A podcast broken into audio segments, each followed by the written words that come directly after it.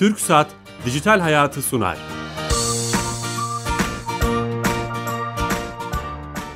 Herkese merhaba, ben Bilal Eren. Teknoloji, internet ve sosyal medyanın hayatımızı etkileyen konu edindiğimiz Dijital Hayat programımıza hoş geldiniz.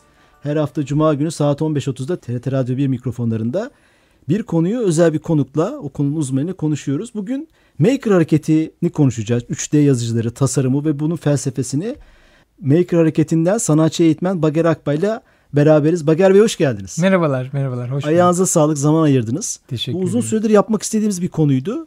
Bugüne kısmetmiş diyelim. Bunu konuşacağız. Maker hareketi nedir? Nerede kullanılıyor? Felsefesi nedir? Ne değiştiriyor? Artı eksi yönleriyle. Bunu konuşacağız. Ama öncesinde sponsorumuz TürkSat. Türkiye Gov.tr'yi işleten kurumumuz. E, kamunun bütün işlerini dijitalleşip bizim önümüze, bilgisayarımıza, cep telefonumuza getiren kurum. Oradaki direktör arkadaşımız Sami Yenice bize her hafta hayatımızı kolaylaştıran bir servisi anlatıyor. Sami Bey telefon attığımızda sanırım. Sami Bey, alo. Bilal Bey yayınlar. Teşekkürler, hoş geldiniz yayınımıza. Hoş bulduk, sağ olun. Bu hafta hangi servisi hizmeti bize anlatacaksınız? Evet, bu hafta E-Devlet kapısına nasıl giriş yapıyoruz? Hangi yöntemlerle giriş yapıyoruz? Onlardan bahsedeceğim kısaca. Süper. Ee, bilindiği gibi E-Devlet Kapısı dediğimiz platform Türkiye.gov.tr ve E-Devlet Kapısı'nın mobil uygulamaları. Ee, bu uygulamayı ve internet sitesini kullanabilmek için e, sisteme giriş yapmamız gerekiyor. E, PTT'lerden aldığımız E-Devlet şişeleriyle E-Devlet Kapısı'na giriş yapmak mümkün. Bunun dışında mobil imza ve elektronik imza kullanarak da E-Devlet Kapısı'na giriş yapabiliyoruz. Aynı zamanda yeni kimlik kartlarımızla E-Devlet Kapısı'na giriş yapmak mümkün. E-Devlet Kapısı kimlik kartı uygulaması diye bir uygulamamız var. Onu bilgisayarınıza indirip bilgisayarınızla kartınız arasında bağlantı kurduğunuzda E-Devlet Kapısı'na giriş yapabiliyorsunuz. Hı hı. E, ve son olarak da internet bankacılığıyla da E-Devlet Kapısı'na giriş yapmak mümkün. Şu an 19 adet bankayla entegrasyonumuz bulunmakta. Bu bankaların internet bankacılığına giriş yaptığınızda otomatik olarak E-Devlet Kapısı'na da giriş yapmış olarak yönlendirilebiliyorsunuz. O çok pratik bir özellik. Evet, özellikle internet bankacılığını kullanan herkes tek tıkla tek butonla e-devlet kapısına girmiş oluyor. O çok evet. pratik oldu. Sanırım kullanıcı etkileşimi e, o sayıları da arttırmıştır. Kesinlikle. Evet. Kesinlikle. E, çok teşekkür ediyoruz. Ben teşekkür ederim. Sağ olun. Tüm ekibe selamlar. Sağ Evet TürkSat'a bağlandık. Bu, bu hafta nasıl girildiğiyle ilgili tekrarımızı yapmış bir anlamda olduk. Geçen haftalarda da konuşmuştuk.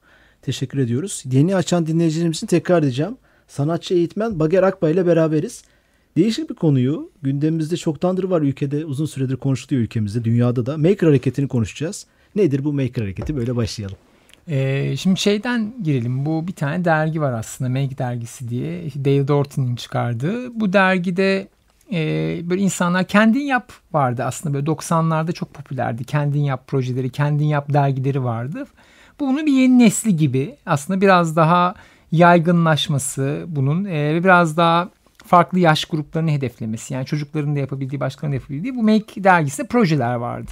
Sonra bu projeler büyümeye başladı ve birkaç tane e, tabi bunu şimdi okuyabiliyoruz. O zaman bunu söyleyemiyorduk. Birkaç harekette birleşti. Yani kodlamanın yayılmasıyla, işte elektroniğin yaygınlaşmasıyla, elektronik kullanma becerilerinin artmasıyla ve üç boyutlu tasarımın, modellemenin, yazıcıların çıkmasıyla bunlarla birleşti ve bir halk hareketi gibi bir harekete döndü. Ama tabii ki Amerika çıkışlı bir hareket. Amerika'da çok yaygın ama dünyaya ciddi etki etti. Dünyada da o maker hareketi olarak yani maker olarak yapmaktan geliyor değil mi? Evet evet yapmaktan Türkçeleştirdik geliyor. mi bunu peki bir Türkçe? Ee, Türk bu çok tartışıldı. Ee, toplulukta bunu gerçekten samimi bir şekilde tartıştık. Hatta üretmen kelimesini önermiştik. Ee, bir yerde TRT'nin bir yayınında geçti yani bizim altımızda yazı olarak üretmen, üretmen yazdı. Ama öğretmen bir şekilde bir yandan cinsiyetçi olabilir diye men takısından ha, da tamam. olur mu falan dedik. Aslında öğretmende de var. O Türkçe'de uyuyor. Ee, bir an böyle çok oturmadı, yaygınlaşmadı maker ve kaldı. Olarak kaldı. Maker olarak kaldı.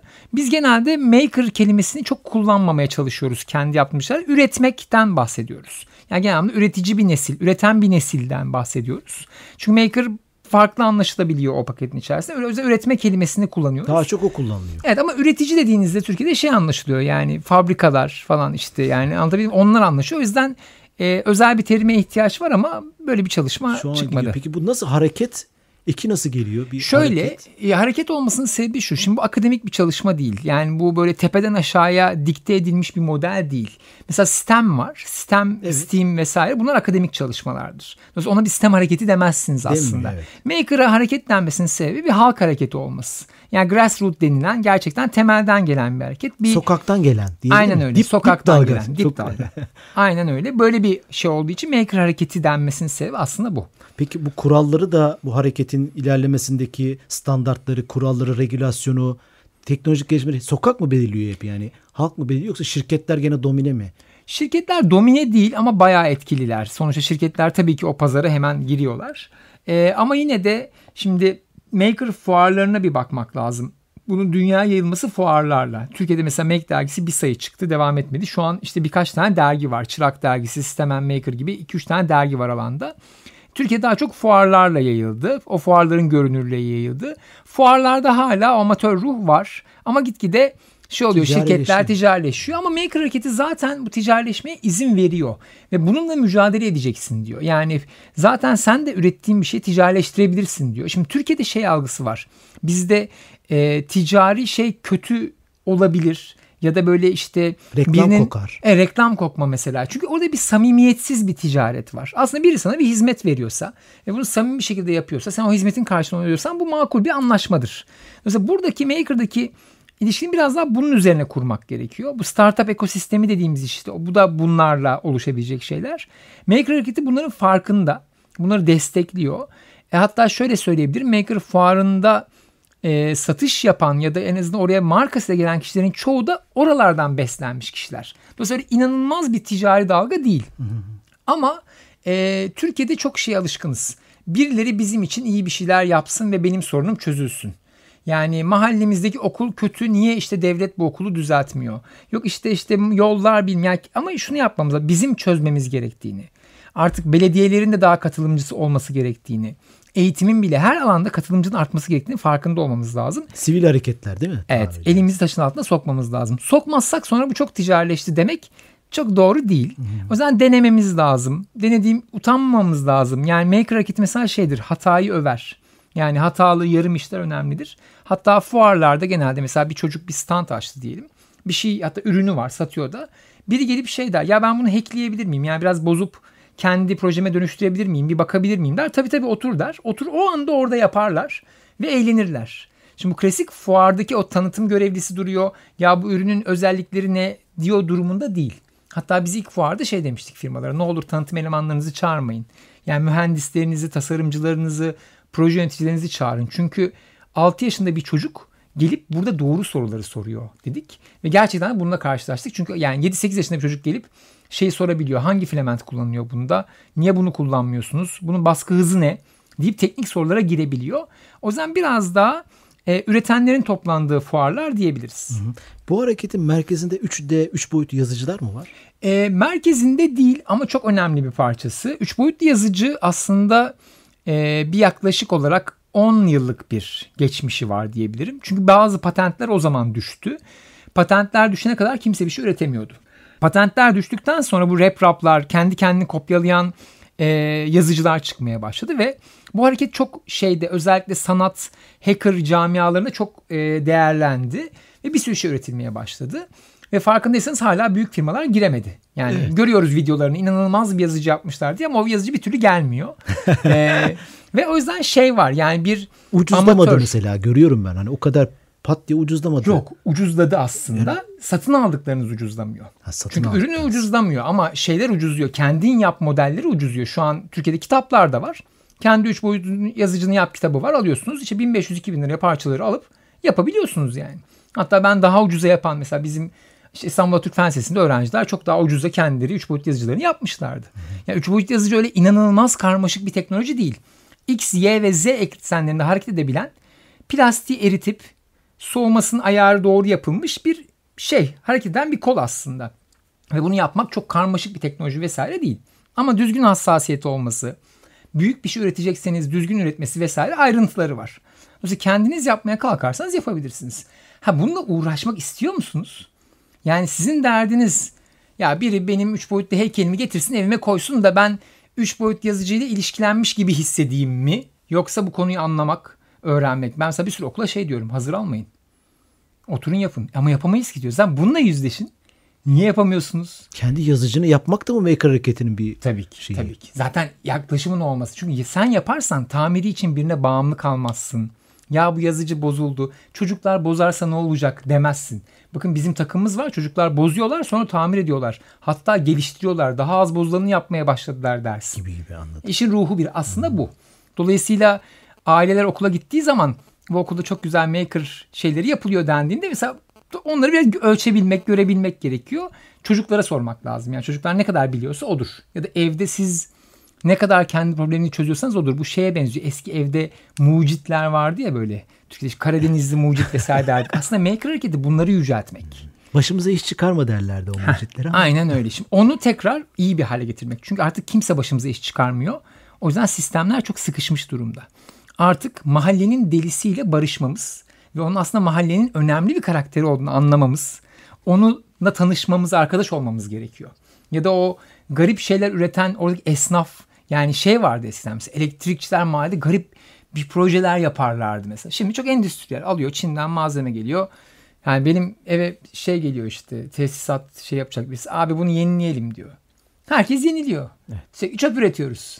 Ya tamir kültürünü arttırmamız lazım. Mesela tornavidalı dedeleri hatırlar Evet, mısınız? evet, evet, Yani evet. çakılı tornavidalı bunun geri Her şeyi tamir gerekiyor. eden dede profili değil mi? Evet. Edebilen. Mesela ben bayılırım onu çünkü şeydir yani şehir böyle güzelleşir. Herkes her gün bir şey tamir etse gördüğü şehirdeki bütün problemler 10-15 gün içerisinde biter. Ve bir anda o rahatlığa erişirsiniz. Ama kimse ilgilenmezse, düşünsenize kaç milyon kişiyiz İstanbul'da. Kimse ilgilenmezse olmaz. O yüzden bu bir harekete dönüşmüş. Bir felsefesi var gibi değil mi? Evet. Şimdi anlattığınızdan sadece 3D yazıcılarda tasarım yapan insanlar gelmedi benim aklıma. Evet. Yani öyle bir şey çizdiniz ki e, e, öyle bir e, şey çizdiniz ki bu çizim içinde bir felsefesi olan bir şeymiş gibi. Mesela şeyi soracağım merak ediyorum. 2D yazıcılar yani bildiğimiz hayatımızda olan yazıcıların bir hareketi yok. Değil mi? Bir felsefesi yok ama 3D yazıcılarla başlamış gibi. Doğru mu bir şey yaptım yoksa? Ee, doğru o patentlerle ilgili işte. Şimdi Patent 2D mi? yazıcılar şimdi Xerox'la başlıyor bu hikaye aslında fotokopi makineleri. Yani Xerox çok büyük bir firma ve bunlar üniversitede argeleri yapılabiliyor. Şimdi zaten 20. yüzyıl böyleydi. Argeyi öyle evde mahallede falan yapamazdınız. 21. yüzyılda bu e, demokratikleşme diyebileceğimiz ve birçok şeyin yani yazılımın, elektroniğin, malzemelerin yaygınlaşması vesaire ulaşılabilirlik. Yani şu anda siz herhangi bir elektronik komponenti Çin'den iki günde buraya getirtebiliyorsunuz ya da burada gidip yani hemen bir yerden alabiliyorsunuz. Türkiye içerisinde varsa getirtebiliyorsunuz. Bu çok büyük bir şey aslında yani ulaşılabilirlik. Dolayısıyla ARGE arttığı için üç boyutlu yazıcılarda e, halk yani o topluluklar bunu üretmeye başladılar. Bizim kullandığımız çoğu üç boyutlu yazıcının patentleri açık. Şimdi bakın şu ne demek bu patenti açık? Yani açık donanım lisansı var. Bu şu demek. Firma bir ürün üretiyor ve diyor ki herkes kopyalayabilir. Bunu Türkiye'deki ticari mantıkla anlamak biraz zor. Zor. Ama şöyle anlatayım daha şey olacak. Üç firma var. Birisi diyor ki bu mal benim. Ben üretiyorum kendime ait. İyi para kazanıyor. Diğeri diyor ki e, o da aynı durumda. Mesela biraz daha ucuzunu yapıyor. Üçüncüsü de diyor ki benimki açık. Şimdi bu daha az kazanacak ama açık olanın şunu biliyoruz. Etrafında bir sürü firma üşüşecek. Onun öbürü diyor ki ben onu o versiyonunu yaptım. Ben bu versiyonunu yaptım bilmem ne o çeşitlenecek. Ve açık olduğu için fiyatı da makul kalmak zorunda. Çünkü pahalıya satarsa hemen bir rakibi çıkacak. Doğru. Dolayısıyla ideal bir marjda tutmak Ha, zorunda. diğer firmayı da çekecek aşağıya. Tabii, tabii. Pahalı olmasını, kartel olmasını engelleyecek. Aynen öyle. Kendi kendine bunları engelleyecek. Hatta diyecek ki birisi ben çeşitlendireceğim. Ya bakın bizimki de açık lisans ama biz işte mesela ev yapıyoruz 3 boyut yazıcıyla. Bizimki büyük diyecek.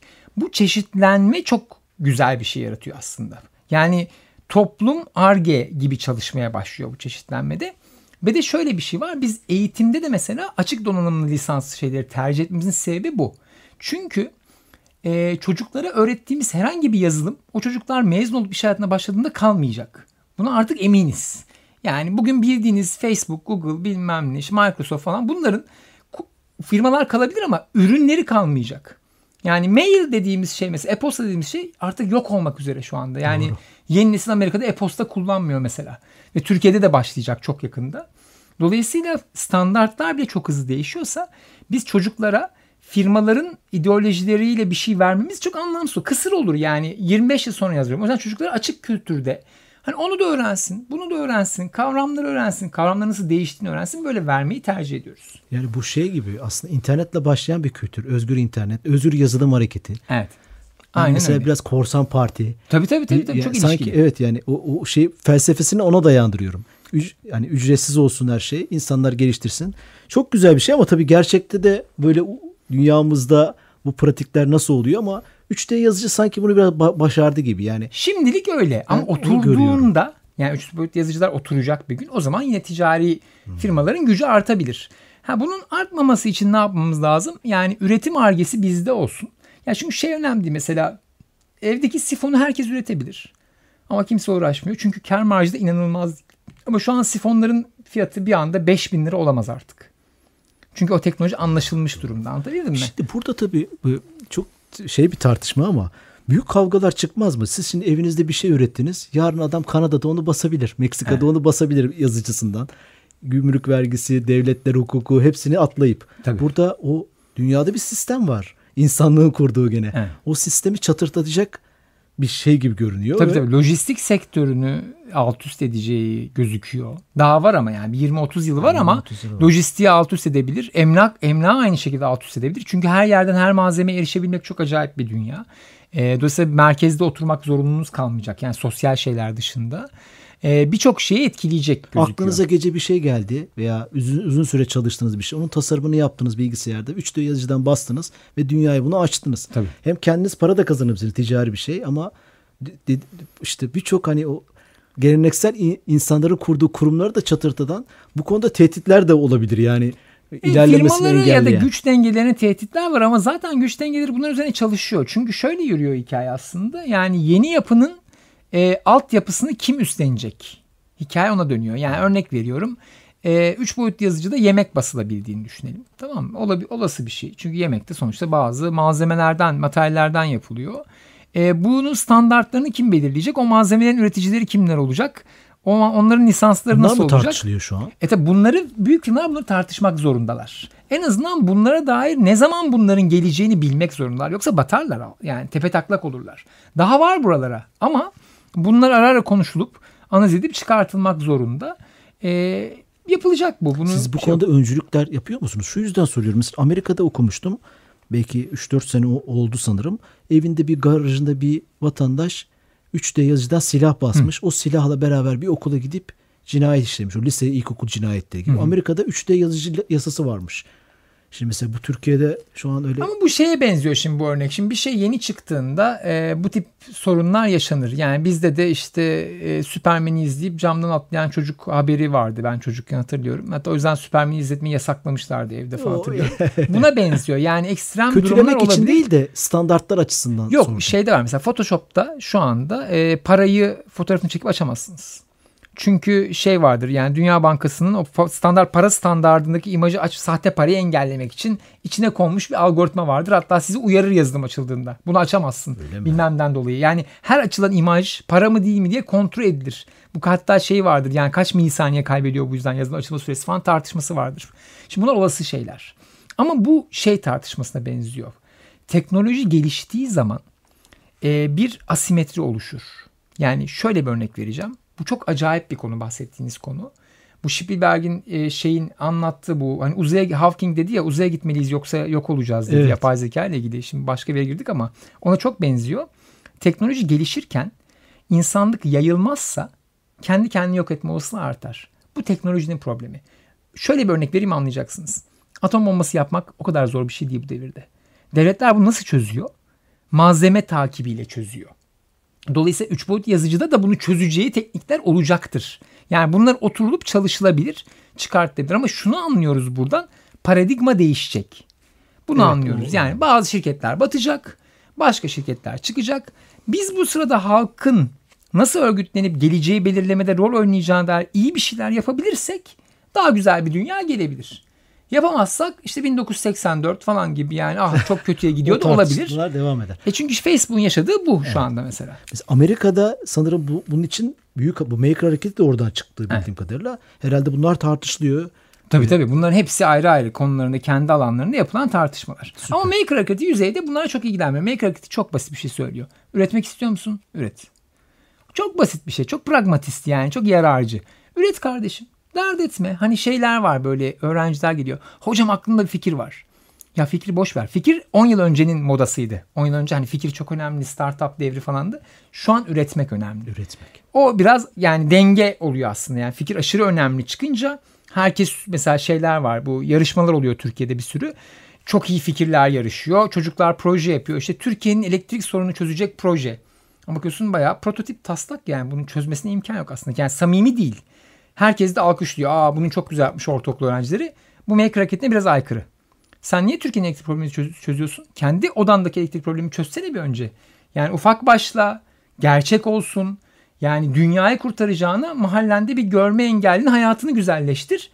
İyi bir örnek olsun. Herkes kendi mahallesinde bunu yapsın. Bir sonuç odaklı yani çıktı odaklı bir Evet. şey. Yararcı, hızlı vesaire yani. Peki hemen şey yapalım dinleyicilerimizden merak edenler olmuştur. Yani nasıl ulaşacaklar size? Maker Hareketi'nin bir binası mı var? Web'de bir organizasyonunuz mu var? Bir siteniz mi var? Eğitiminiz mi var? Ya aslında şöyle şimdi bu hikaye karışık. Ee, bence öyle olması güzel bir şey. Yani bu işin bir lideri, bir yöneticisi vesaire yok. Ha bu işin kuruluşunda tarihçesinde Dernek falan bir şey yok. Yok. Yani bir kurulmuş olan dernekler var. Bununla ilişkili dernekler var ama şey gibi yani sanat derneği kurup hani sanat ismi gibi düşün. Yani sanat kelimesi çok yaygın bir şeydir. Maker de böyle bir şey. Makers'dan bir şey değil. Şimdi biz maker olmak diyoruz ya maker biraz sıfat gibi yani. Sen daha maker gibi davranan birisin diyebiliriz birine mesela. Yani biri gidip bir sertifika alıp ben maker oldum demesi çok doğru bir davranış değil. Dolayısıyla şimdi kurumlar var alanda. İnternette arama yapıp bunları bulabilirler. Bir sürü yer var. E, kimisi daha ticari yapılar, kimisi daha STK, sosyal sivil toplum kuruluşları vesaire bir sürü şey var. Hepsine bakmaları lazım. Önereceğiniz var mı? Hani dinleyicilerimiz için. E, yani ben bir şey önermeyeyim çünkü önerdiğim anda bir bayas yaratıyorum. Yani bir yöneltme yapıyorum aslında. Okullarda görüyorum ben ilanlarda. Bizim okulumuza kaydedin Maker eğitimi alın. Mesela eğitimde çok kullanılıyor. Bir- Evet. artık böyle bir pazarlama aracına da Tabii dönüşmüş tabii o gibi. şey gibi eskiden işte bu bilgisayarları havalı bilgisayarları koyarlardı böyle laboratuvara. Sonra yani şeye bakarsın bilgisayar o kadar pırıl pırıl duruyor ki kullanılmadığı belli yani. Şimdi ve- veliler biraz uyanık olmalı yani. Ta- talaş var mı diye baksınlar. Yani maker laboratuvarına girdiği zaman bir talaş var mı? Malzeme nerede yani? Alet var da. Nerede senin malzemen? Ne üretildi bununla? Kim üretti bunu? Yani o çocuğu bir göreyim. Bu çocuk bozulunca bu alet ne oluyor? Kim bakıyor? Yani mekan temizliğini kim yapıyor falan. Yani bunlarla ilgilensinler. Biraz doğru soruları sormaları lazım. Yoksa aileler o golü yerler. Yani pazarlama yapılıyor olabilir. Ben hatta çok iyi hatırlıyorum. Bir bilim okulu olduğunu iddia eden bir okulda bir öğrencim vardı. Okullarına konuşma yapmaya gittiğimde beni gezdirdi böyle bir bilim katında. Ya baktım bayağı tanıtım için yapılmış. Dedim Alper sen burada neyle ilgileniyorsun? Geliyor musun sen buraya? Bir de heyecanlı heyecanlı gösteriyor. Yok dedi ya buraya gel. Ha bir şu bisiklet var dedi bozuk. Onunla bozmaya, hacklemeye geliyorum dedi. Çocuğun ilgisini tek çeken şey o alandaki bozuk olandı. Yani anlatabildim mi? Biraz samimi olmamız lazım. Yani çocukların deney yapabilip yapmadığını, çocuğun gerçekten bir şey ürettiğini anlayabiliriz. O yüzden bu tip pazarlama şeyleri çok kanmamakta yarar var. Ama ailelerin de çok gücü yok. Yani çalışıyorlar bütün gün karar verecekler bilmem ne. Biraz o golü yiyorlar. Onu söyleyeyim. O bir süre öyle gidecek. O golü yememek için sizin liderliğinizde liderlik kabul etmiyorsunuz. Sizin gibi düşünen arkadaşların e, aileleri yönlendirecek farkındalık eğitimleri veya bir şeyler var mı bu tip? Hani Ee, şöyle için? aslında yani kimse bize ya ben özellikle onu vermeye çalışıyorum. Kimse bizim hayatımızı kurtarmayacak. Biz oturup yapacağız. Mahallenizde topluluklar kurabilirsiniz. Mesela kodlama için Kodur Dojo'lar var Türkiye'de. Ee, ve bunlar tamamen ins- sivil toplum hareketi yapılan şeyler. İns- İnsanlar toplanıyorlar mahallede. Biri diyor ki benim yerim var. Öbürü diyor ki ben çocukların başında durabilirim. Biraz da kodlamada anlıyorum. Mentörlük yapabilirim. Öğretme değil. Çocuklar geliyorlar laptopları varsa bir şeyle ya da etraftan bilgisayar bulunuyor. Oturuyorlar bir iki saat haftada takılıp yan yana bir şeyler üretmeye çalışıyorlar. Böyle yapılar var. Ee, biz mesela Zemberek diye bir model yaptık. Zemberek modelinde de yine çocuklar, büyükler yan yana gelip bir şeyler üretmeye çalışıyorlar. Şimdi bir sürü böyle model var. Bazı okullar bunu içinde çözebiliyorlar. Ee, ve bir sürü okul bu yönde deniyor. Ama şunu söylemek istiyorum. Yani şu doğru, şu kötü dersek yanlış bilgi vermiş oluruz. Ee, bu mücadelede yani siz çocuğunuz daha üretken olsun istiyorsanız evde üretim ortamı yaratın. Bu kadar basit. Ne yapması lazım? Ben veliyim diyelim. Çocuğu ya evde bir şeyler üretmesini sağlayacak çocuğun bir üretim alanı olması lazım. Ya bir üretim masası olacak, eşya lazım, malzemenin koyacağı bir yer olacak, atıklarını depolayacağı bir yer olacak.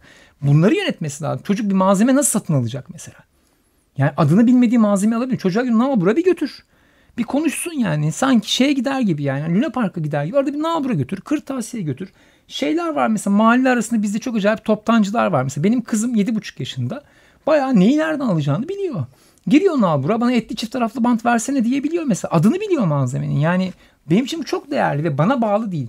Şeyi öğrettim Yani malzemesi. siz üç boyut yazıcı alın demiyorsunuz ama. Hayır hayır hayır hayır. Hiç öyle değil. Üretmek şeyle ilgili yani üretmek genel bir kavram. Şimdi o alanda yeni olan şu. Kodlama demokratikleşti çünkü blok tabanlı kodlama geldi. Bu Scratch gibi yazılımlar vesaire onlar geldi. Öneriyorsunuz onu. Evet Scratch çok önemli çok önemli. Türkiye'de de yapan Algo Dijital var mesela işte Tegev'in yaptığı. Orada mesela kodlama örnekleri. Türkiye'de bir sürü proje var kodlama eder bakabilirler. Elektronik alanında Arduino kartları var. Bunlar çok önemli. Arduino, Arduino kart, kartı. Arduino kartı evet. Bu kart da mesela bir sanat öğrencisinin projesidir. Öyle bir mühendislik firmasının projesi değildir ve dünyadaki en önemli elektronik kartlardan biri şu anda. Üç boyutlu yazıcıyı kendileri yapmalarını tavsiye ederim. Yani mesela atıyorum mahallede 10 aile birleşsin. Herkes 100 lira versin. Çocuklar o 100 lirayla satın alma yapıp 3 boyutlu yazıcı yapmaya kalksınlar. Ya bırakın başaramasınlar.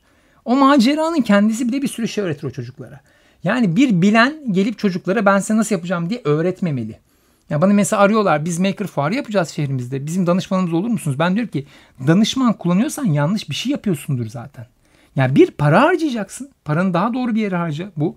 İki e, bilem kendin öğrenemeyeceğine inanıyorsun. Yani başkasının sana öğretebileceğini düşünüyorsun. Bu yanlış bir fikir zaten. Deneyerek öğren. Denediklerini paylaş. Ve zaten bir kere başardın mı herkes seni dinlemek için çok merak Türkiye'de. Herkes diyor gel bize de anlat yani. Son 30 saniye size nasıl ulaşabilir? Maker Ee, bana mail atabilirler. Bagar Akbay, bagarakbay.com diye bir sitem var. Oradan ulaşabilirler. Ee, ayrıca zemberek.co diye bir proje sitesi var. Oradan da bakabilirler. Orada bazı duyurular yapıyoruz. Bu şekilde ulaşabilirler. Süper. Ayağınıza sağlık. Harika bir konu bu. Yani bir felsefesi var bu işin. Öyle basit bir teknoloji şeyinden bahsetmiyoruz. Ee, zamanımız el verdiğince konuşmuş olduk. Teşekkür ediyoruz. Ben çok Ayağınıza teşekkür sağlık. Çok sağ olun. Ee, bugün Bager Akbay'la beraberdik. Sanatçı eğitmen. Üç boyutlu yazıcıları daha doğrusu onun üstünde yükselen maker hareketini ve felsefesini konuştuk. Üretmek, üretmek onu konuştuk. Haftaya yeni konu ve konuklarla beraber olacağız. İyi hafta sonları. Hoşçakalın.